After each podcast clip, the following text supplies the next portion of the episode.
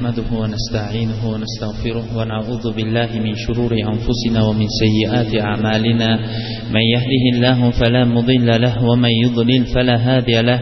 وأشهد أن لا إله إلا الله وحده لا شريك له وأشهد أن محمدا عبده ورسوله. ثم عما بعد السلام عليكم ورحمة الله وبركاته.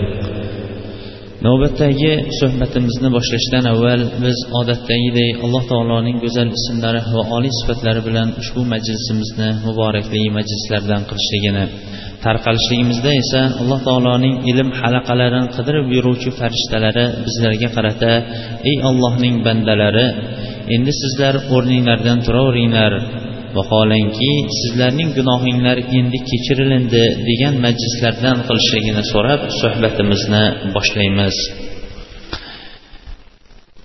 O'tgan jumalarda bo'layotgan suhbatlarimizning hammasi modomiki namozlar haqida bo'lar ekan bugun ham namozlar haqida bo'layotgan suhbatimiz davomi tahajjud namozi haqida inshaalloh bugun alloh qodir qilgunicha suhbat yuritishlikka harakat qilamiz. Tahajjud namozi qanday namoz? Tahajjud namozi farz ham vojib ham bo'lmagan lekin nafl bo'lgan ibodatdir. Tahajjud namozi qanday namoz? Tahajjud namozi mo'min kishi robbisiga qiladigan munojotidir. Tahajjud namozi qanday namoz? Tahajjud namozi alloh taolo suygan bandalarigina muvaffaq bo'lgan buni o'qishlikka namoz. Tahajjud namozi qaysi namoz? Tahajjud namozi bedorlik bilan kechani o'tkazadiganlarning namozi. Tahajjud namozi qaysi namoz? Tahajjud namozi payg'ambarimiz alayhissalom umrlarida hech ham qo'ymagan namoz. Tahajjud namozi qaysi namoz? Tahajjud namozi alloh taolo tilagingni tila beraman deb turgan vaqtda o'qilingan namoz. Qo'yingki tahajjud namozining fazilatlari nihoyatda ko'pdir. Alloh subhanava taolo bu haqida shunday deydi. Billah. Va minal layli fatahajjat bihi nafilatan laka asa an yab'athaka robbuka maqaman kechasi siz uyqudan bedor bo'lgan holatda sizga nafl qilib berilgan ibodat uchun turing. Shoyat alloh taolo sizning o'sha amalingiz sababli oxiratda maqtalingan ya'ni gunohlari yuvilgan gunohlari kechirilganlar o'rnida sizni qayta uyg'otsa deb mana bu o'rinda gunohlari yuviladigan amallarning sababining bittasi tahajjud namozi ekanligini bizlarga bayon qilib kelyapti.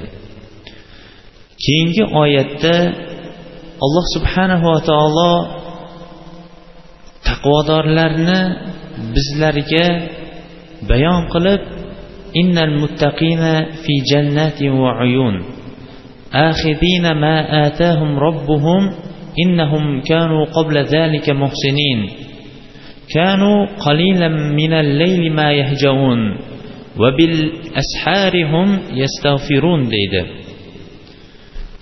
Taqvodor kishilarning oxiratdagi manzilatlarini jannatdagi ularga berilgan ne'matlarini bizlarga bayon etib taqvodorlar jannatda chashmalar ustida bo'lishadi.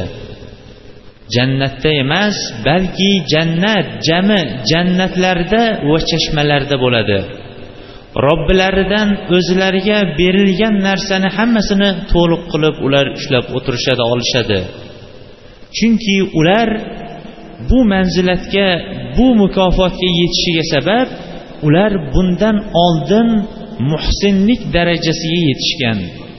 Biz avvalda muhsinlar kim ekanligi haqida ko'p gapirib o'tgan edik. Payg'ambarimiz sollallohu alayhi vasallam muttafaqun alayh bo'lgan hadisni esa umar roziyallohu anhu rivoyat qilgan hadisda bu hadis hadisi jibril deb ham nomlanadi.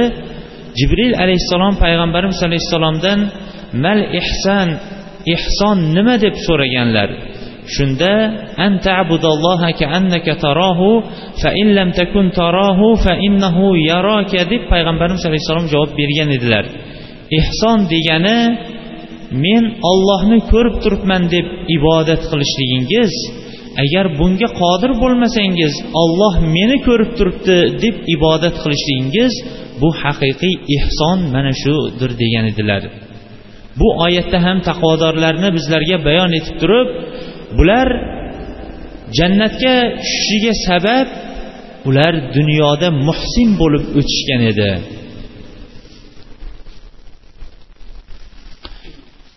Nihoyatda kam uxlashar edi.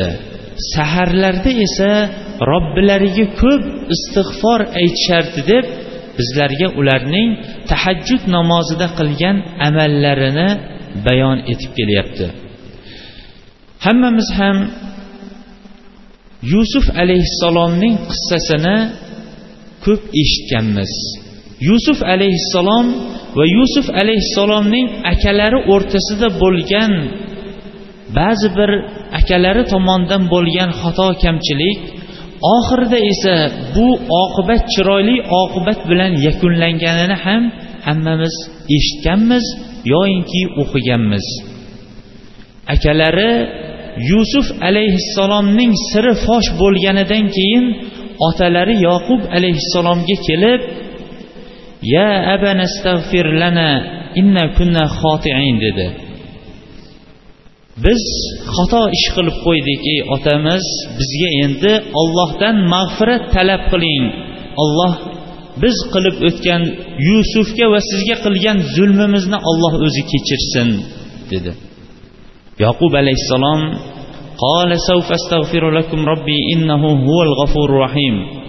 aytdiki tezda men sizlarga robbimdan istig'for talab qilaman chunki robbim g'afurur rohim gunohlarni mag'firat qiluvchi va rahmli bo'lgan zotdir dedi. Mana shu o'rinda savfa astag'firu lakum sizlarga tezda mag'firat talab qilaman deganini mufassirlar aytishganki tahajjud namozida sizlarga robbimdan istig'for talab qilaman deb aytyapti deb o'sha vaqtgacha cho'zgan deb mufassirlar tafsir qilishgan ekan alloh subhanava taolo yana mo'minlarning sifatini bizlarga bayon etib تتجافى جنوبهم عن المضاجع يدعون ربهم خوفا وطمعا ومما رزقناهم ينفقون فلا تعلم نفس ما أخفي لهم من قرة أعين جزاء بما كانوا يعملون deydi ya'ni ular robbilariga umid bilan va qo'rquv bilan duo qilishib kechalarida kam uxlashadilar va bizlar rizq qilib bergan ne'matlardan inom qilishadi ular kam uxlashadi degandan kinoya ular tahajjud namoziga turishib o'sha o'rinda robbilariga qiladigan istig'forlari edi. Ularga berilingan mukofotni esa ularga berilingan mukofotlarning qanchalik katta va buyuk ekanligini biron bir kishi bilmas. Bu mukofotlar ko'rganda ko'zlar quvonadigan mukofotdir. Bu mukofotlar ular qilgan amallari uchun mukofot qilib berilayotgan mukofotlardir deydi. Darhaqiqat tahajjud namozi nafl ibodatlarning eng ulug'i hisoblangan ibodat hisoblanadi. Payg'ambarimiz sollallohu alayhi vasallam deydilar oysha onamiz muttafaqun alayh bo'lgan hadisda كان النبي صلى الله عليه وسلم يقوم من الليل حتى تفتر قدماه فقلت له لما تصنع هذا يا رسول الله وقد غفر لك ما تقدم من ذنبك وما تأخر قال أفلا أكون عبدا شكورا onamiz payg'ambarimiz sollallohu alayhi vasallam ko'p ayollarga uylanishga alloh taolo u kishiga halol qilib bergan edi. Ba'zi bir islomga tosh otadigan odamlar payg'ambarimiz alayhissalomning ko'p ayoli borligi tomondan ham tosh ochmoqchi bo'lishadi.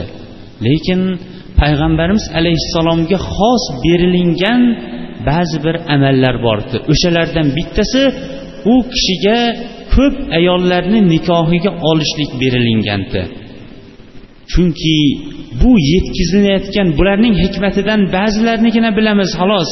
O'sha hikmatlarning bittasi payg'ambarimiz alayhissalom bizlarga oxiratgacha qoladigan bu abadiy dinni bizlarga yetkazayotgan edi. Bu din bizlarning vaqtimizdagi masjiddagina haftada bir jumadagina yoki boshqa o'rindagina bo'lgan din emas edi. Bu din uydan tashqarida ham uyning ichida ham bo'ladigan din edi. Tashqaridagini erkaklar sahobalar payg'ambarimiz alayhissalomdan ta'limini o'rganar edi. Ichkaridagini esa ayollar o'rganar edi. Ba'zi ayollarning esidan chiqib qolgan amallarini ba'zilari eslatishligi mumkin edi. Mana shu o'rinlardan bittasi oysha onamiz ham o'sha dinni bizlarga bayon qilib payg'ambarimiz alayhissalomning ichkarida uyning ichida qiladigan amallarini bizlarga bayon etib aytadilarki payg'ambarimiz sollallohu alayhi vasallam kechasi tahajjud namoziga turardi. Ko'p va uzoq turganidan oyoqlari ham ishib ketardi. Shunda bir kuni u kishiga aytdimki ya rasululloh nimaga bunchalik qilasiz? Ya'ni nimaga bunchalik o'zingizni qiynaysiz? Vaholanki alloh taolo sizning o'tgan va kelajak gunohlaringizni kechirganku. desam aytdiki afala akuna abdan shakuro shukur qilguvchi bandalardan bo'lmaymanmi? degan ekanlar. Demak gunohlarni kechirganligini bilishlik ham bu bilganidan keyin ham shunchalik amal qilishligi allohga shukur qilishligi deb payg'ambarimiz alayhissalom o'zlari bayon etdilar.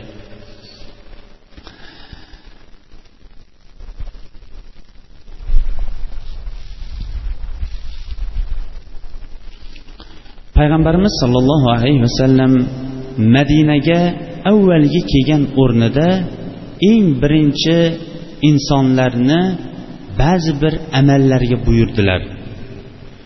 O'sha amallarni abdulloh ibn salam roziyallohu anhu imom termiziy rivoyat qilgan hadisda aytadilarki anna nabiy sollallohu alayhi vasallam qol ayyuhan nas afshu salam وأطعموا الطعام وصلوا بالليل والناس نيام تدخلوا جنة تدخلوا الجنة بالسلام dedilar ya'ni ey insonlar salomni bir biringlarga fosh qilinglar va insonlarga taomdan yediringlar tanovul qilinglar tanovul qildiringlar va insonlar uxlayotgan vaqtda kechasi insonlar uxlayapsa sizlar namoz o'qinglar. Allohning jannatiga salomat holatda kirasizlar dedilar. Mana bu payg'ambarimiz alayhissalom madinaga kelgan ilk bor kelgan vaqtidagi eng birinchi o'rgatgan o'gitlari edi. Barmoq bilan sanasa sanagulik amallar. Birinchisi salomni fosh qilishlik ikkinchisi taomdan insonlarga yedirishlik uchinchisi mana bizning mavzuimiz bugungi mavzuimiz bo'lib turgan tahajjud namozini o'qishlik uchtagina amal edi. lekin ming afsuslarki bu uchta amalni hamma ham barkamol ravishda jamlay olmaydi payg'ambarimiz sollallohu alayhi vasallam imom muslim abu hurayra roziyallohu anhudan rivoyat qilgan hadisda قال رسول الله صلى الله عليه وسلم أفضل الصيام بعد رمضان شهر الله المحرم وأفضل الصلاة بعد الفريضة صلاة الليل dedilar ya'ni ramazon oyidan keyingi eng afzal ro'za muharram oyida tutilingan ro'zadir. Va farz namozlardan keyingi nafl namozlarning eng afzali kechasi o'qilingan tahajjud namozi dedilar. Va tahajjud namozini bizlarga o'qilishlik kayfiyatini ham bayon etdi. muttafaqun alayh bo'lgan hadisda an ibn umar roziyallohu anhu anna nabiy sollallohu alayhi vasallam qol solatul layli masna masna فإذا خفت الصبح فأوتر بواحدة ya'ni kechasi o'qiladigan namoz bu namoz bizning mavzumiz bo'lmish tahajjud namozi edi Tahajjud namozi ikki rakaat ikki rakaat qilib o'qilinadi. Agar birontangiz ikki rakaat ikki rakaat qilib namoz o'qib turgan vaqtingizda subh bomdodning vaqti kirib qolishidan qo'rqadigan bo'lsangiz bir rakaat vitr bilan tahajjud namozini tamomlang dedi. Inshaalloh bu namoz tahajjud namozining kayfiyati haqida suhbatimizni oxirida kayfiyatini inshaalloh tushuntirishlikka harakat qilamiz. O'sha kayfiyatlarining bittasini huzayfa roziyallohu anhu bizlarga bayon etib beradi. Bu payg'ambarimiz alayhissalomning bu namozning tahajjud namozining kayfiyatini ko'rib ko'pchilik qo'rqib ketmasin va bizlar qodir bo'lmas ekanmizda deb bu namozdan chetlanib qolmasin. Agarchi yengil bo'lsa ham ado qilishlikka harakat qilsin. Huzayfa roziyallohu anhu imom muslim rivoyatida aytadiki bir kecha payg'ambarimiz sollallohu alayhi vasallam bilan birga namoz o'qidim. Namozni fotiha surasidan keyin baqara surasini boshladilar. Bu namoz xufton namozi emas balki tahajjud namozi edi. So'ngra aytdimki yuzta oyat o'qiganidan keyin ruku qilsalar kerak deb o'yladim. Yo'q yuzta oyat o'tganidan keyin ham davom etaverdi. Keyin o'yladimki demak baqara surasini o'qib birinchi rakatni tamomlasalar kerak deb o'yladim. Yo'q undan ham davom etib ketaverdilar baqara surasini o'qib hatto niso surasini o'qidi baqara surasidan keyin. Keyin ali imron surasini ham o'qidi. Yaqrou mutarassilan bu suralarni ketma ket o'qib kelardi. Agar biron bir alloh taologa tasbih aytishlik o'rni kelgan vaqtda tasbih aytardi. Agar alloh taolodan biron bir narsani so'rashlik o'rni kelgan vaqtda alloh taolodan o'sha qiroat qilib turgan o'rnida biron narsani so'rardi. Agar alloh taolodan biron bir narsadan panoh so'rashlik o'rni kelgan vaqtda o'sha o'rinda alloh taolodan panoh so'rardi so'ngra rukuga bordilar فجعل يقول سبحان ربي العظيم ana undan keyin subhana robbiyal azim deya boshladi fakana rukuuhu nahva min qiyamihi biz tepada o'qigan suralarni ketma ket bayon qilib berdik baqara ali imron niso aytadiki rukusi bizning rukumizga o'xshash shosha pisha aytadigan subhana robbiyal azimni uch marta aytishlikmi? Yo'q. Abdulloh ibn masud aytyaptiki rukuda turishligi ham xuddi qiyomda turganga yaqinroq turdi shunchalik uzoq turdi. So'ngra samiyallohu liman hamida deb boshlarini ko'tardi robbana valakal hamd deb. So'ngra uzoq turdi xuddi rukuga turganiga yaqinroq. So'ngra sajda qildi. Subhan robbiyal ala deb. Sajda qilishligi ham o'sha ruku va qiyomda turganiga yaqinroq bo'ldi deydi. Mana bu haqiqiy ollohgagina iltijo qiladiganlarning namozining ollohgagina iltijo qiladiganlarning peshvosining muallimining namozi mana shunaqa namoz edi. Robi ibn husayn rahimaulloh bu kishi ulug' tobiinlardan bir kuni masjidda o'tirgan edi. Buni shu bobda ham zikr qilib o'tgan edik. Bir kishi kelib nihoyatda tez namoz o'qidi. Namoz o'qigandan keyin aytdiki birodar siz bunday namoz o'qidingiz robbingizdan biron bir hojatingiz yo'qmi so'raydigan dedi. Allohga qasamki men robbimdan hattoyinki uyimdagi tuzimni ham so'rayman dedi tahajjud namozida qilinadigan amallarning eng afzali bu ruku va sujudda uzoq turishlik buni payg'ambarimiz sollallohu alayhi vasallam jabir roziyallohu anhudan imom muslim rivoyat qilgan hadisda وعن جابر رضي الله عنه قال سئل رسول الله صلى الله عليه وسلم أي الصلاة أفضل قال طول القنوت payg'ambarimiz sollallohu alayhi vasallamdan namozlarning qaysi biri afzal deb so'raganda aytdilarki uzoq turilgani afzal dedilar. Albatta habib o'zining mahbubi oldida uzoqroq turishlikka harakat qiladi. Inson o'zining suyuklisi oldida turishlikka ko'proq harakat qilganiga o'xshash tahajjud namozida o'zining qiymaydigan shirin uyqusini qiyib shirin uyqusini buzib sovuq yoyinki issiq sug'urga ana undan keyin tahorat qilib robbisi oldida turadigan odamlar albatta robbilari uchun robbilarini sevadigan odamlar hisoblanadi. Albatta bunday odamlar robbilari oldida ko'proq turishlikni xohlaydi. Payg'ambarimiz alayhissalom bu robbisini suyganlarning ustozi edi.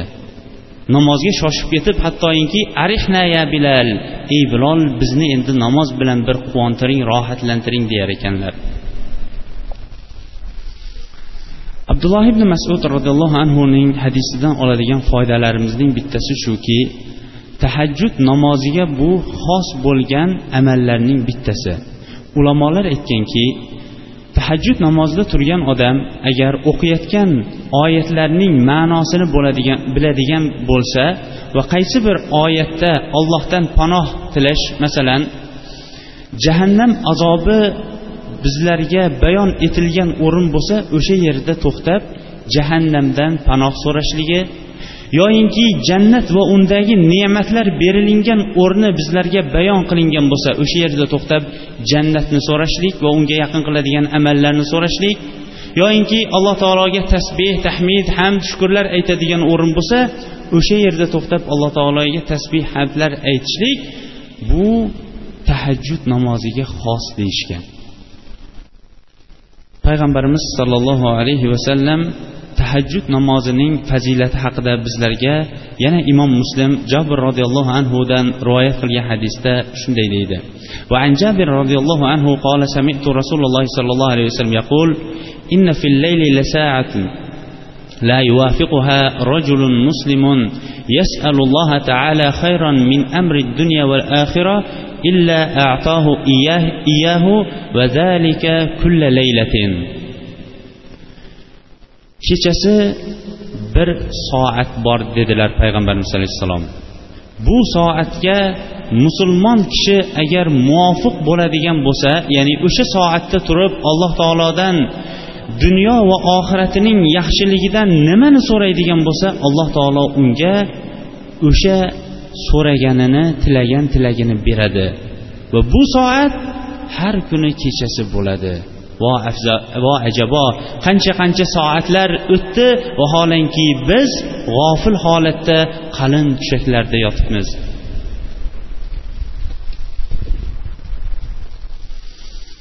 payg'ambarimiz sollallohu alayhi vasallam tahajjud namozining kayfiyatini bizlarga bayon etib وعن أبي هريرة رضي الله عنه أن النبي صلى الله عليه وسلم قال إذا قام أحدكم من الليل فليفتتح الصلاة بركعتين خفيفتين dedilar ya'ni agar birontangiz tahajjud namoziga turadigan bo'lsangiz yengil ikki rakat namoz o'qishlik bilan namozini ya'ni uzun bo'lgan namozini boshlasinlar. Oysha onamiz esa bu ham imom muslim rivoyatida kana rasululloh sollallohu alayhi vasallam ida qoma minal layli iftataha solatahu bi rak'atayn khafifatayn agar tahajjud namoziga turadigan bo'lsalar deydilar payg'ambarimiz alayhissalom yengil ikki rakat namoz o'qish o'qiganidan keyin tahajjud namozini boshlar edilar deydi. tahajjud namozidan uxlab qolgan odam haqida payg'ambarimiz alayhissalom umar ibn xattob roziyallohu anhu imom muslimdan rivoyat qilgan hadisda aytdilarki man noma an حزبه أو عن شيء منه فقرأه فيما بين صلاة الفجر وصلاة الظهر كتب له كأنما قرأه من الليل kim o'zining doimiy kechasi o'qiydigan xoh qur'oni bo'lsin xoh mana bu tahajjud namozi bo'lsin o'shandan uxlab qoladigan bo'lsa buni bomdod namozi bilan peshin namozi o'rtasida o'qiydigan bo'lsa buning qazosini go'yoyinki kechasi bilan o'sha qur'onni o'qigan yoyinki o'sha namozini o'qiganlar qatorida savob yoziladi dedilar. Bomdod bilan xuftondan bomdod bilan peshin namozidan murod pesh bomdod namozidan keyin quyosh ko'tarilib bir gaz ko'tarilgandan keyin bu yerda qasd qilinyapti. Chunki bomdodning farzidan keyin payg'ambarimiz alayhissalom namoz o'qishlikdan qaytargan to quyosh bir gaz ko'tarilib olgunga qadar. Payg'ambarimiz sollallohu alayhi vasallam tahajjud namoziga yana bizlarni targ'ib etib turib imom abu dovud sahih isnod bilan abu hurayra roziyallohu anhudan rivoyat qilgan hadisda قال رسول الله صلى الله عليه وسلم إذا أيقظ الرجل أهله من الليل فصليا أو صلى ركعتين جميعا كتب من الذاكرين والذاكرات dedilar ya'ni agar kishi kechasi uyg'onsa va ahlini ham kechasi uyg'otsa va ikkovi ham birgalikda namoz o'qisa bu namozdan murod tahajjud namozi edi. Ko'p zikr qilguvchi erkak va ko'p zikr qiluvchi ayollardan deb zakirin va zakirotlardan deb yoziladi allohning oldida dedilar. Payg'ambarimiz sollallohu alayhi vasallam keyingi hadisda insonlarni bir biriga yaxshilikda bir birlariga yordam berishlik yo'lini ham o'rgatib turib aytdilarki kechqurun kechasi tahajjud namoziga turgan va namozni o'qigan va ahlini o'zining ayolini uyg'otgan. Agar uyg'ongisi kelmay boshidan bosh tortadigan bo'lsa ahlining yuziga suv sepib uni uyg'otgan kishini alloh taolo rahmatiga olsin dedi. Hadisning davomida kechasi tahajjud namoziga turgan ayol. Keyin esa tahajjud namozini olloh qodir qilguncha o'qigan ana undan keyin o'zining turmush o'rtog'i bo'lmish kuyovini uyg'otgan. Agar uyg'onmayotgan bo'lsa betiga yuziga suv sepib uyg'otgan ayolni ham alloh taolo o'zining rahmatiga olsin dedilar. Mana bu alloh taoloning ya ayyuhallazina amanu qu anfusakum va ahlikum naro. Ya'ni ey iymon keltirgan kishilar sizlar o'zinglarni va ahlinglarni jahannam olovidan saqlanglar degan oyatning tafsirlarining bittasi bo'ladi. Sahobalardan bo'lmish abu hurayra roziyallohu anhu agar kechasi uyg'onsalar kechaning hammasini namoz bilan o'tkazar ekanlar. Bu ibodatni ana undan keyin u kishi taqsimlashlik yo'lini oilasiga ham munosib ko'rganlaridan keyin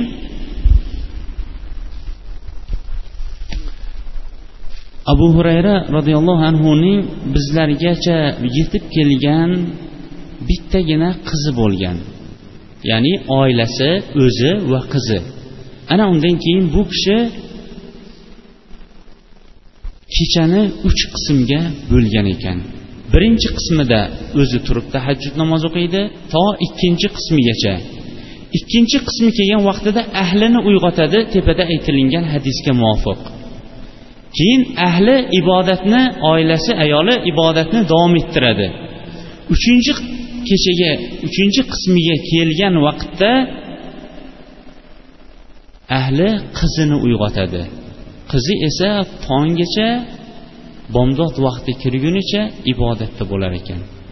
Demak ular o'zlarining xonadonini kunduzi ham kechasi ham iymon va solih amalning nuri bilan yoritganlarning namunalarining bittasi shunday bo'lgan. Ularning hayotining davomida aytadiki undan keyin ahlini abu hurayra roziyallohu anhu yo'qotdi. Ya'ni o'zidan avval ayoli o'ldi. Ayolining soatini ham bo'lib olishdi deydi. Ya'ni kechani ikkiga bo'lib yarmida o'zi yarmida qizi ibodat qiladigan bo'ldi deydi. Abdulloh ibn amr ibn as roziyallohu anhu o'ziga lozim deb tutib olgan edi kechasining hammasida men qiyomul layl tahajjud bilan namoz o'qiyman tahajjud bilan o'tkazaman kunduzlari esa ro'za bilan o'tkazaman degan edi. Otalari abdulloh ning otasi amr ibn as abdulloh roziyallohu anhuni uylantirdilar. Uylantirganidan keyin saldan keyin kelib hol ahvol so'radi kelindan. E'tibor beraylik kelindan so'radi kelib o'g'lidan so'ramadi kelinning qanday xizmat qilayotganligini balki kelindan o'g'lining ahvoli haqida so'radi. Kelinning ham iffati erkagini qanday sirini yashirishligining chiroyli iboralari bizning ayollarimiz bugungi ayollarimiz uchun nihoyatda katta dars bo'lmoqligi kerak. Aytdilarki ne'mar rojul abdulloh. Kuyovimiz bo'lmish abdulloh o'g'lingiz abdulloh nihoyatda yaxshi odam. Kechalarini tahajjud bilan allohga ibodat qilib kunduzlarini esa ro'za tutib o'tkazadi. Biz bilan uncha ishi ham yo'q dedilar. Keyin payg'ambarimiz alayhissalomga bu xabar yetganda abdulloh roziyallohu anhuni doim bu amalga turib qolishlikdan qaytardilar balki ba'zan o'qib namozni bu nafl bo'lganligi uchun tahajjud namozi ba'zan tark qilib turishlikka yoyinki kechaning ba'zi qismida uxlab ba'zi qismidagina uxlashlikka targ'ib qilib qo'ydilar. Tobinlarning bittasi aytadiki madinaga kechqurun kirib bordim. Madinaga kechasi kirib qaysi bir uyning oldidan o'tmay uy ichidan yo qur'on tilovati yo alloh taolodan tavba istig'for talab qilishlik ovozi eshitilib turilardi deydi. Mana bu payg'ambarimiz alayhissalomning madrasasidan chiqqan madinayu munavvara shahrining kechasi bo'ladigan holati. Bugungi kunda bizning kechalari bo'layotgan bizning shaharlarimiz boshqa narsalarning ovozlari bilan shaharni to'ldiradi. Bu ovozlar koshkiydi allohdan istig'for so'rashlik bo'lganda bu ovozlar koshkiydi insonlarni tinch xotirjam halovatli uxlashlikka targ'ib qiladigan ovozlar bo'lganida. Payg'ambarimiz sollallohu alayhi vasallam salmon roziyallohu anhu bilan abu dardo roziyallohu anhuni aka uka qilib qo'ygan edi. Aka ukachilik islomda jumada bir marta juma kuni ko'rishib qo'yishlik bilan emas balki doim undan xabar olib turishlik bilan bo'lardi. Salmon roziyallohu anhu bir kuni abu dardo roziyallohu anhuni ziyorat qilish uchun borsalar abu dardo roziyallohu anhu manzilda yo'qlar lekin ayollari uyda. U vaqtda hijob oyati hali nozil bo'lmagan edi. Ya'ni ayollar erkaklar kelgan vaqtda qochmas va o'zlarini bekitmas edi. Qarasalar ayollari o'zlariga uncha zebi ziynat bermagan holat. Bundan ajablanib buning sababini so'raganda do'stingiz abu dardo juda yaxshi odam. U kishi ibodat bilan mashg'ul bizga unchalik ishlari ham yo'q biz bilan dedilar. Keyin kutib o'tirdilar abu dardoni. Abu dardo roziyallohu anhu kelgandan keyin kechki ovqatni yedilar va o'sha o'rinda abu dardoni qilayotgan ba'zi bir xato kamchiligini amaliy ravishda o'zlari to'g'irlab qo'yishlik uchun salmon roziyallohu anhu birga u kishi bilan tunadilar. Taomlanib bo'lganidan keyin xuftondan keyin turib tahajjud namozini boshlamoqchi bo'ldilar abu dardo. Salmon roziyallohu anhu aytdiki yo'q yoting hali vaqt bor dedi. Kechaning yarmiga kelgan vaqtda yana o'rnidan turganda yo'q hali vaqt bor yana yoting deb salmon roziyallohu anhu abu dardoni to'xtatdilar. Uchinchi kechasi kelgan qismi kelgan vaqtda abu dardo roziyallohu anhu turganlarida salmon roziyallohu anhu ham aytdilarki ana endi vaqti keldi deb ikkovlari birga namoz o'qidilar. Turganlaridan keyin namoz o'qib bo'lganlaridan keyin payg'ambar aytdilarki bu har bir narsaning sizning ustingizda haqqi bor. Ayolingizning ham sizni ustingizda haqqi bor. Jasadingizni ham sizning ustingizda haqqi haqqi bor. Robbingizning ham sizni ustingizda haqqi haqqi bor. Siz hamma haqlarning haqdorlarning haqlarini ado eting dedilar.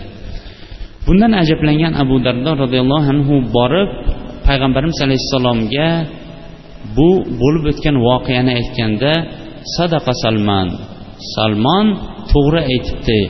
Ati kulladi haqqin haqqo har bir haqdorning haqqini ado eting degan ekanlar. Tahajjud namozi fazilatlari va suratlari haqida tayyorlangan mavzu uzoq lekin vaqtimiz qisqa bo'lganligi uchun biz bu o'rinda ba'zi bir hadislarni tashlab o'tib ketishlikka majbur bo'lib qolamiz. Lekin bu bobda keng berilgan va bizni lug'atlarga tarjima qilingan jomi sahih imom buxoriyning jomi sahihiga murojaat qilishning o'zi hamma musulmonlar uchun kifoya qilsa kerak deb bilamiz. Tahajjud namozining fazilatlarining eng afzal bu haqida rivoyat qilgan hadislarning bittasi abu hurayra roziyallohu anhu roviy esa muhaddis esa imom buxoriydir anna rasululloh sollallohu alayhi vasallam qol ينزل ربنا تبارك وتعالى كل ليلة إلى السماء الدنيا حين يبقى ثلث الليل الآخر يقول من يدعوني فأستجيب له ومن يسألني فأوتيه ومن يستغفرني فأغفر له payg'ambarimiz sollallohu alayhi vasallam tahajjud namozining fazilati haqida bizlarga aytdilarki robbimiz tabaraka va taolo har kecha osmon dunyosiga kechaning uchdan biri qolgan vaqtda osmon dunyosiga yaqinlashadi va aytadiki kim menga duo qilsa duosini ijobat qilaman. Kim mendan tilagini tilasa men unga tilagini beraman.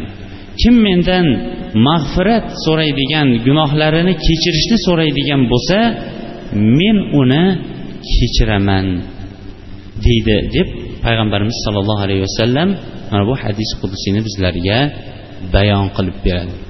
Demak tahajjud namozi nafl ibodat bo'lib xufton namozidan keyin vaqti boshlanib to bomdod namozi kirgunicha vaqti cho'ziladi. Lekin o'sha vaqtlar ichidagi eng afzal vaqti bu kechaning uchinchi qismi. Kechaning uchinchi qismi bizlarga qanday qilib biz taqsimlay olamiz? Mana bugungi kunda agar taqvim bo'yicha quyoshning botishligini bugungi soatimizga ko'ra soat olti soat sakkizdan o'tganda sakkizu o'n beshda deydigan bo'lsak va bomdodning kirishligini ham besh yarim deydigan bo'lsak bu taqribiy o'lcham mana shu sakkizdan sakkizu yigirma sakkizu o'n beshdan tortib to olti yarimgacha bo'lgan vaqt uch qismga bo'linadi. O'sha uch qismning uchinchi qismi hozirgina biz o'qigan hadisga muvofiq alloh taolo o'zining arshidan yettinchi osmonga yaqinlashib kim nima tilagini so'rasa tilagini beraman deb turadigan o'rni bu tahajjud namozi o'qiladigan o'rindir. Tahajjud namozining fazilatlari nihoyatda ko'pdir. Biz ularning ba'zilarigagina to'xtay oldik. Ammo tahajjud namozining surati payg'ambarimiz alayhissalom biz yuqorida ham ta'kidlab va bayon qilib bergan hadisga muvofiq solatul layli masna va masna dedilar. Kechasi o'qiladigan namoz ikki rakaat ikki rakaat qilib o'qilinadi dedilar.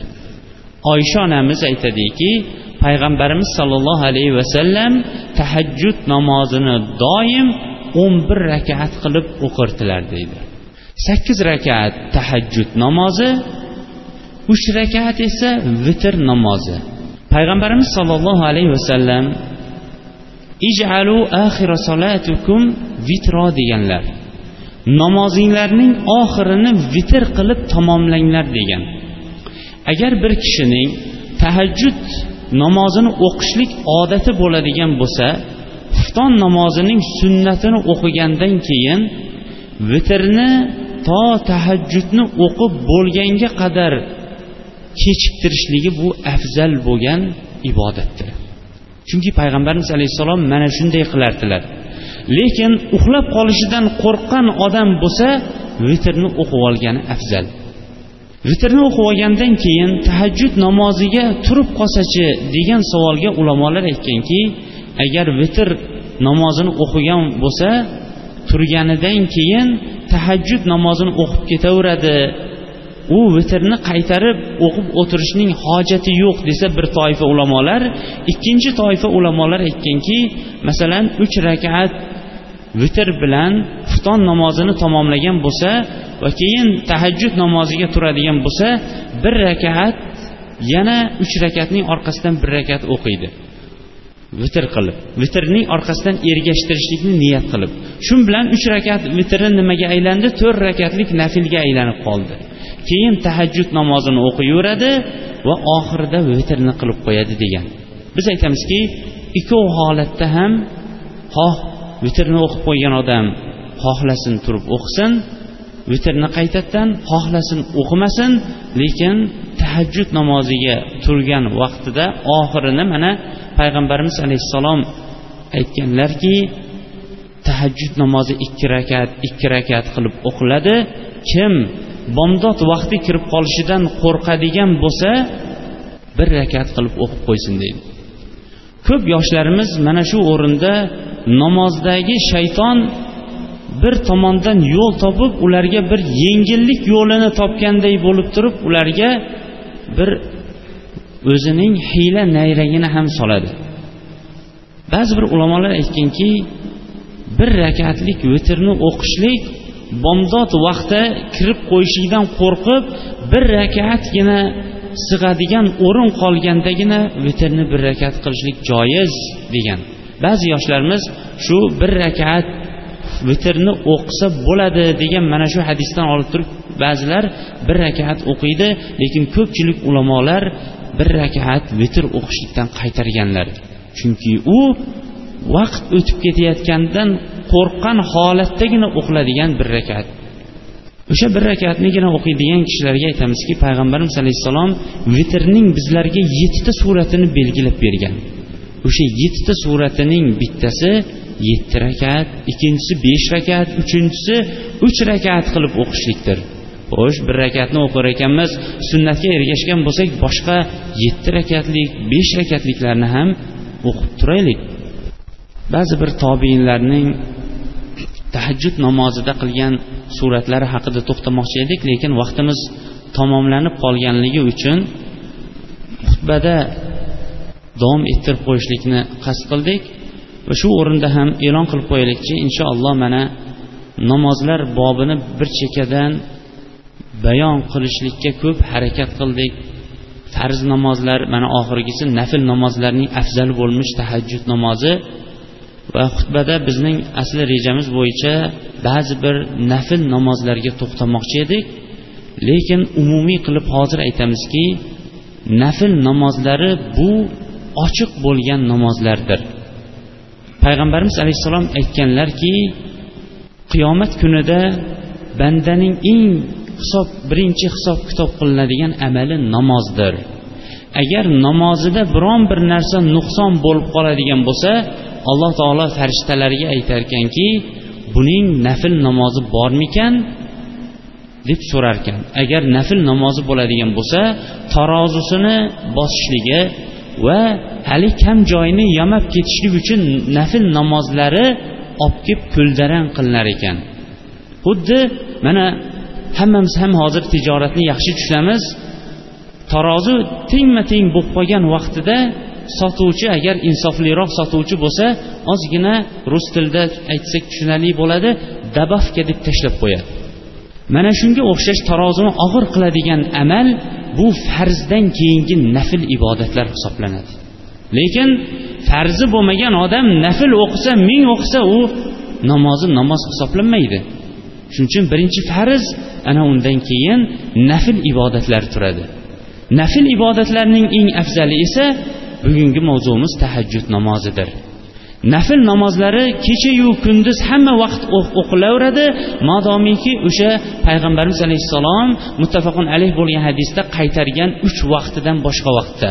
Bu vaqtlarning birinchisi bomdodning farzidan keyin to quyosh bir gaz ko'tarilib olmagunicha quyosh to'g'ri qiyomga dan og'vom to'g'riga kelib qiyomda turgandan keyin qiyomdan og'vogunga qadar va asrning farzidan keyin e'tibor bering bomdodning farzi va asrning farzidan keyin to quyosh botmagunicha mana shu o'rinlardagina nafl namozi o'qilinmaydi.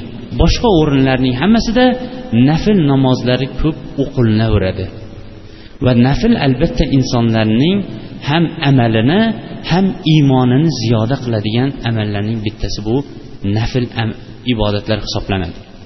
Biz bu farz va nafllarning afzali bo'lgan tahajjud namozining tartibini bugun aytib yakunlar ekanmiz. Keyingi jumadan inshaalloh bu maiza qilishlik vaqtini ham belgilangan vaqtini ham sal oldiroqqa surishlikka qasd qildik. Soat birdan yo besh minut uzayib ketsa o'n daqiqa yoinki besh yoinki soat birdan boshlab yo bir juma yoinki ikki juma ja borsa uch jumagacha savol javob varaqasi ochilinadi.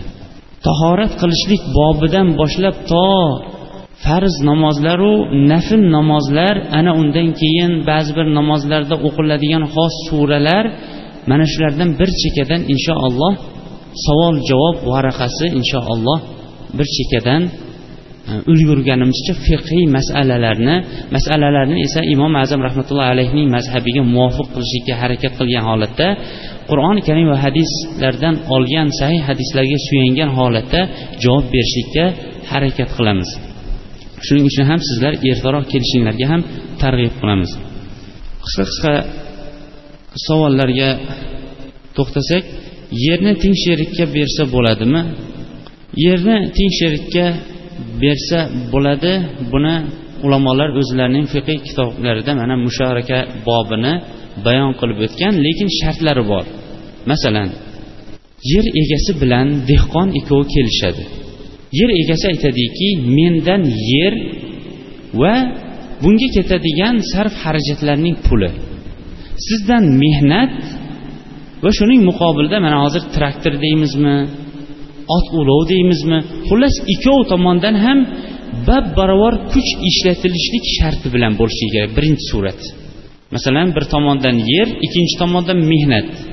Tushunarlia yoyinki ikkinchi tomondan suvga ketadigan xarajat bo'lsa birinchi tomondan o'shandagi yana boshqa bir xarajatlar. Yo'q bunga kelisholmaymiz desa bir tomonda og'irroq mehnat qoladi ikkinchi tomonda yengilroq mehnat qoladi xullas kelishuvga qarab bo'ladi. Ammo birinchi suratini ulamolar birinchi suratda fiqiy kitoblarda zikr qilishgan. Hadisda ikki xil ko'ylakda namoz o'qishga ruxsat bo'lmaydi degan shuni tushuntirib bering. Payg'ambarimiz sollallohu alayhi vasallam somma deb nomlanadi arab tilida. Bu yengi ham chiqarilmagan to'ppa to'g'ri tikilgan yengi va insonning harakat qilishlik o'rni ko'rsatib berilmaydigan ya'ni to'g'ri yengsiz va oldi ochiq bo'lmay tikilingan libosda namoz o'qishlikdan qaytarganlar ana undan keyin esa avrati ochilib qolinadigan o'rinda ham qaytarganlar. Ammo kiyib yurishdan qaytargan liboslari agar uni qasd qilayotgan bo'lsa tiniq toza qizil va toza sariq ham kelgan. Ba'zilar sariqni mansub degan lekin mansubligiga biz hozircha dalil bilmaymiz. Assalomu alaykum va alaykum assalom. Inson qaytish bo'lgandan keyin ruhi qayoqqa boradi? Payg'ambarimiz sollallohu alayhi vasallamning hadislariga qaraganda ruh to qabrga borguncha o'sha jasadning ustida turadi. Hatto hadislarda keladiki agar solih odam bo'ladigan bo'lsa qaddimuni qaddimuni meni tezroq olib boringlar tezroq olib boringlar deb turadi degan. Agar olloh o'zi saqlasin yomon odam bo'ladigan bo'lsa ohu voh solib aytib turadiki meni qayoqqa olib boryapsizlar? deb qattiq solgan ohu vohini agar insonu jin eshitganida hushidan og'ib qolardi degan. Qabrga qo'yilishligi bilan ruh undan keyin jasadga kiradi. Jasadga kirib savol javob bo'lganidan keyin ana undan keyin yaxshi odam bo'lsa yaxshilikka yomon odam bo'lsa hayotdagi bu qabrdagi yomon hayoti barzax hayoti boshlanadi. O'lgan odamni ruhi keladimi? Misol payshanba va juma kechasi keladi. Shuni aytib bersangiz. Bu keladi deganlar biz qur'oni karim va hadis shariflarda bilmadik. Agar kiygiz kitoblarda bilinib qolmasa payg'ambarimiz alayhissalom bu g'aybiy amalning bizlarga ba'zilarinigina alloh taolo payg'ambarimizga bildirgan shu bildirganlarning ba'zilarinigina payg'ambarimiz alayhissalom bizlarga bayon qilgan. Ruh ilmi g'aybiy ilmdir. Alloh taolo payg'ambarimiz alayhissalomga qur'oni karimda aytadiki yasalunaka anir ruh. Qulir ruha min amri robbi sizdan ruh haqida so'rashadilar. Ayting ruh robbimning amridan deb biling deydi. Biling deb ayting deydi. Demak ruh va unga bo'layotgan azob yoinki rohatlarning hammasi bu g'aybiy amallardir. Uning bizga payshanba kuni kelishligi yoinki juma kuni kelishligi bu bizlarga noma'lum va bizlarga payg'ambarimiz alayhissalom bu haqida xabar bermagan. Bu savolga taqriban biz javob bergandik. Domla tahajjud namozini o'qish uchun kechasi uxlab yarim tunda turib o'qish shartmi yoyinki soat bir ikkigacha o'tirib albatta xuftondan keyin tahajjudni o'qib keyin yotsa bo'ladimi tahajjud kalimasining o'zi bu uyqudan turishlikka ma'nosini uyquda tark qilishlik ma'nosini ifodalaydi. Lekin ikkov holat ham bo'laveradi. Xohlasin kechasi uchinchi qismida turolmagan odam xuftondan keyin o'qib qo'ysin. Yoyinki uchinchi qismiga yetolmagan odam ikkinchi qismida o'qib qo'ysin. Lekin biz hadisda bayon etolmadik. Hadisdagi ba'zi hadislarga to'xtab payg'ambarimiz alayhissalom aytganlarki muttafaqin alayh bo'lgan hadisda namozlarning eng afzali dovud alayhissalomning namozidir. Kechaning uchinchisida turardi tahajjud namoziga oltinchisida yana dam olardi ro'zalarning ham afzali dovud alayhissalomning ro'zasidir. Bir kun ro'zador bo'lsa bir kun og'zi ochiq bo'lardi degan. Mana abu hurayra roziyallohu anhuni amaliga qarab turib kechaning ana xuftondan keyin to tong ottirguncha qaysi bir soatida tahajjud namozini o'qiyversa bo'ladi lekin bu soatlarning eng afzali kechaning uchinchi qismidir. Alloh taoloning go'zal ismlari va oliy sifatlari bilan hammamizni ham mana shu tahajjud namoziga farz namozlarini ado qilgandan keyin nafl ibodatlarning afzal bo'lmish tahajjud namoziga alloh taolo bizlarni muvaffaq qilishligini so'raymiz. Alloh taolo bizlarni va bizning zurriyotlarimizni mana avvalda aytib o'tgan bu juma bo'lsin farz namozlar bo'lsin bularni ado qiladigan zurriyatlardan qilsin. Ko'rganimizda ularni ko'zimiz ibodatda turgan vaqtda ulardan quvonadigan zurriyatlardan qilsin. Alloh subhanava taolo ichimizda iymon bilan va amali solih bilan o'tganlarning gunohlarini mag'firat etsin. Savol javoblarni yengil qilsin. Qabrlarini jannat bog'chalaridan bir bog'chaga aylantirsin. Alloh subhanava taolo yer yuzidagi qaysi bir musulmon bo'lmasin ularning biron bir bemori bo'ladigan bo'lsa alloh taolo ularning dardlariga o'zi shifo bersin. Qarzdorlarning qarzlarini o'zi o'tasin. Alloh taolo qaysi bir dardmand bo'lsin yoki boshlariga qaysi bir kulfat musibat tushgan musulmon birodarlarimizni birodarlarimizning musibat va kulfatlarini o'zi ko'tarsin va hammamizni ham yaxshilikda jamlasin subhanakallohumma bihamdik ashhadu an la ilaha illa anta astag'firuka va atubu ilayk ya arhamar الحمد لله نحمده ونستعينه ونستغفره ونعوذ بالله من شرور أنفسنا ومن سيئات أعمالنا من يهده الله فلا مضل له ومن يضلل فلا هادي له وأشهد أن لا إله إلا الله وحده لا شريك له وأشهد أن محمدا عبده ورسوله. ثم عما بعد.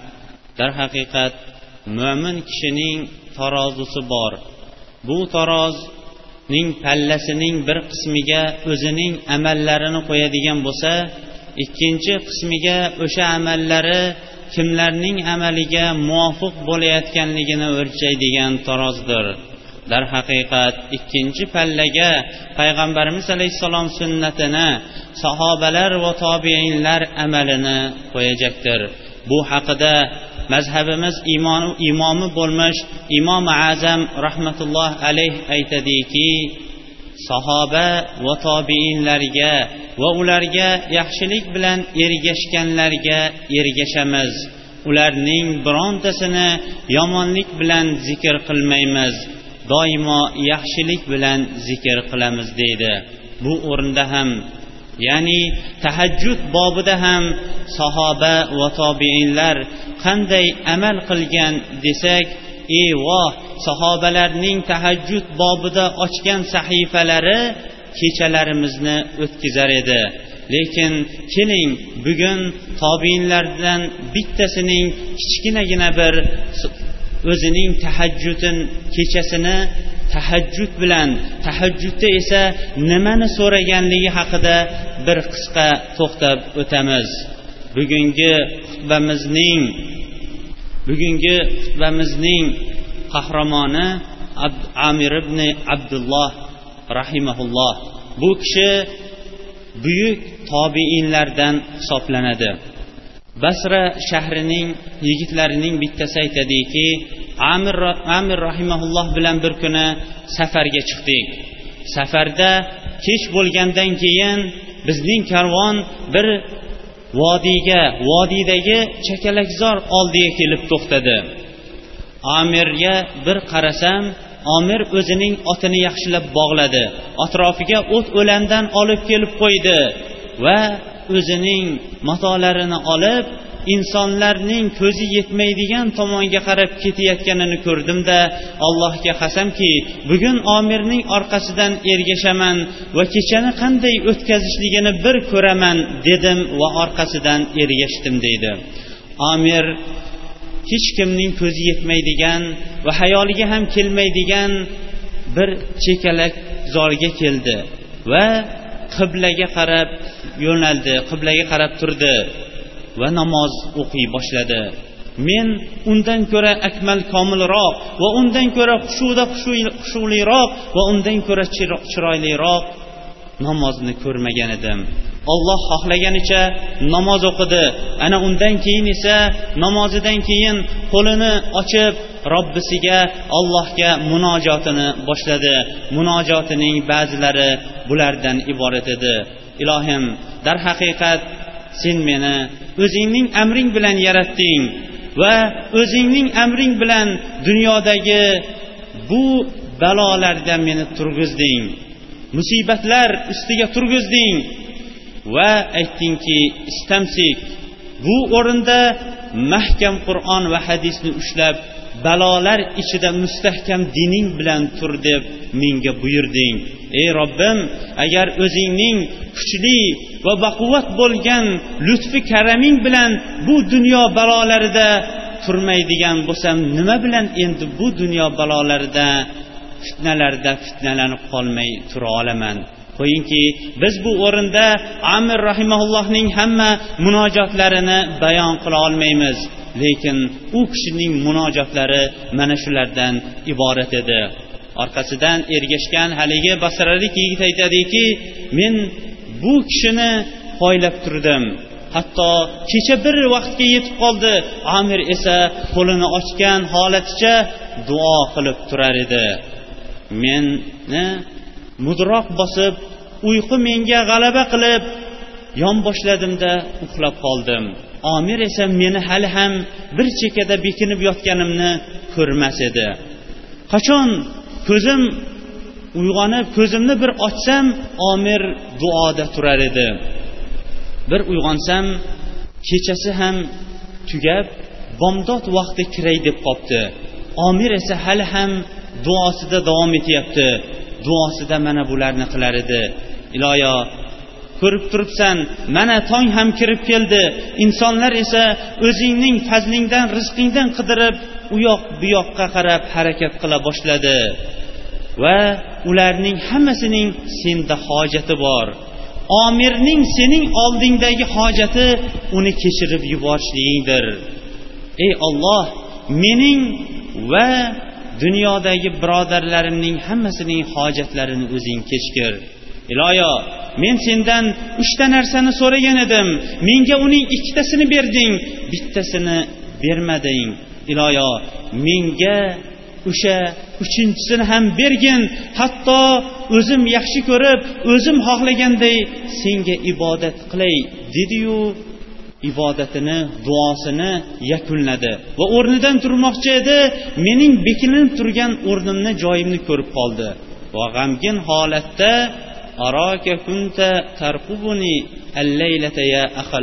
dedi. ya'ni ey basralik birodarim siz bu kecha meni poylab o'tibsizda dedi. Men ha dedim. Aytdiki olloh sizni o'zi satr qilib bekitsin. Bu kecha menda bo'lib o'tgan voqeani insonlarga aytmang bekiting dedi. Men aytdimki allohga qasamki bu uchta ollohdan so'ragan narsangizni menga aytib bermagunizcha men buning hammasini insonlarga odamlarga hozir borib aytib beraman dedim. U vayhakla tafal ey holingizga voy bo'lsin hali shunaqa ham qilasizmi? Qo'ying endi dedi. Ma aqullak dedim. Aytganimni qilaman dedim. Iloj topmagandan keyin aytdiki mayli men sizga bu uchta robbimdan so'ragan narsamni aytaman. Lekin menga va'da berasizki hech kimga buni xabarini bermasligingizga. Men aytdimki ha sizga ollohni o'rtaga qo'yib va'da beraman.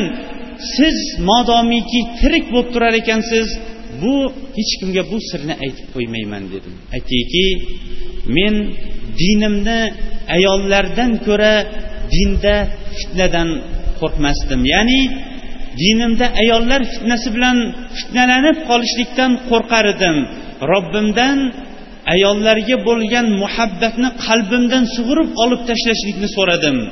Alloh taolo mening bu duoyimni ijobat qildi. Hatto biron bir ayolning oldidan o'tganim nimayu devorning oldidan o'tganim nima bo'lib qoldi? Aytdimki bu birinchisi. Ikkinchisi nima? Aytdiki ikkinchisi robbimdan o'zidan boshqa hech kimdan qo'rqmaslikni so'radim. Robbim bunga ham ijobat qildi bu duoyimni ham ijobat qildi. Men yeru osmonda undan boshqa hech kimdan qo'rqmaydigan kishilarning bittasiga aylandim. Xo'sh unda ikkinchisi nima dedim? deydi haligi basralik yigit. Aytdiki amir robbimdan mendan kechki uyquni ketkazishlikni so'radim. Hatto kechalari tahajjud bilan robbimga ibodat qilsam kunduzlari ro'za bilan robbimga ibodat qilishlikni xohladim lekin robbim menga uchinchisini bermadi va bermayapti dedi. Buni eshitganimda aytdimki ey birodar siz o'zingizga ozroq rahm qiling chunki sizning mana bunday ro'za bilan kunduzni o'tkazishligingiz kechasi tahajjud bilan kechani o'tkazishligingiz bu nafsingiz uchun nihoyatda og'ir qiyindir.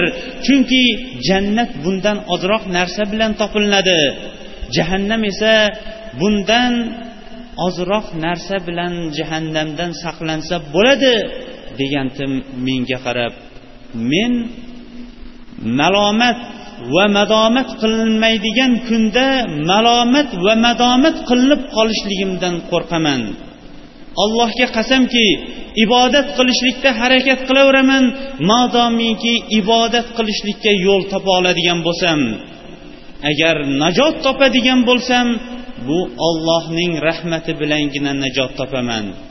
Agar jannatga kirolmay jahannamga kiradigan bo'lsam bu mening ibodatni kam qilganligim uchun bo'ladi dedi deydi vo ajabo shunchalik amallar qilib turib ana undan keyin ham agar najot topsam amalim bilan demadi balki ollohning rahmati bilangina jannatga kiraman dedi. Bu ko'pchiligimizning besh vaqt namozni yoki haftada bir martagina juma namozini o'qib qo'yib ana undan keyin jannatning to'rini o'ziga davo qilib turgan ko'pchiligimiz uchun katta ibrat va namuna bo'lmoqligi kerakdir. Darhaqiqat ko'p soatlarni kechadagi ko'p bizlarga beriladigan xoh dunyoviy xoh diniy xoh oxirat manfaatlarini biz o'tkazib qo'ydik. Mana bu o'rinda masjidda mana bu soatda juma vaqtida alloh taolodan ko'p istig'for va mag'firatlar va tavbalar qilaylik. Ajab emaski alloh taolo tavbalarimizni qabul etib gunohlarimizni mag'firat etib bizlarni o'sha soatlarni yo'qotib qo'ymaydigan kishilardan qilsin. Astag'firulloh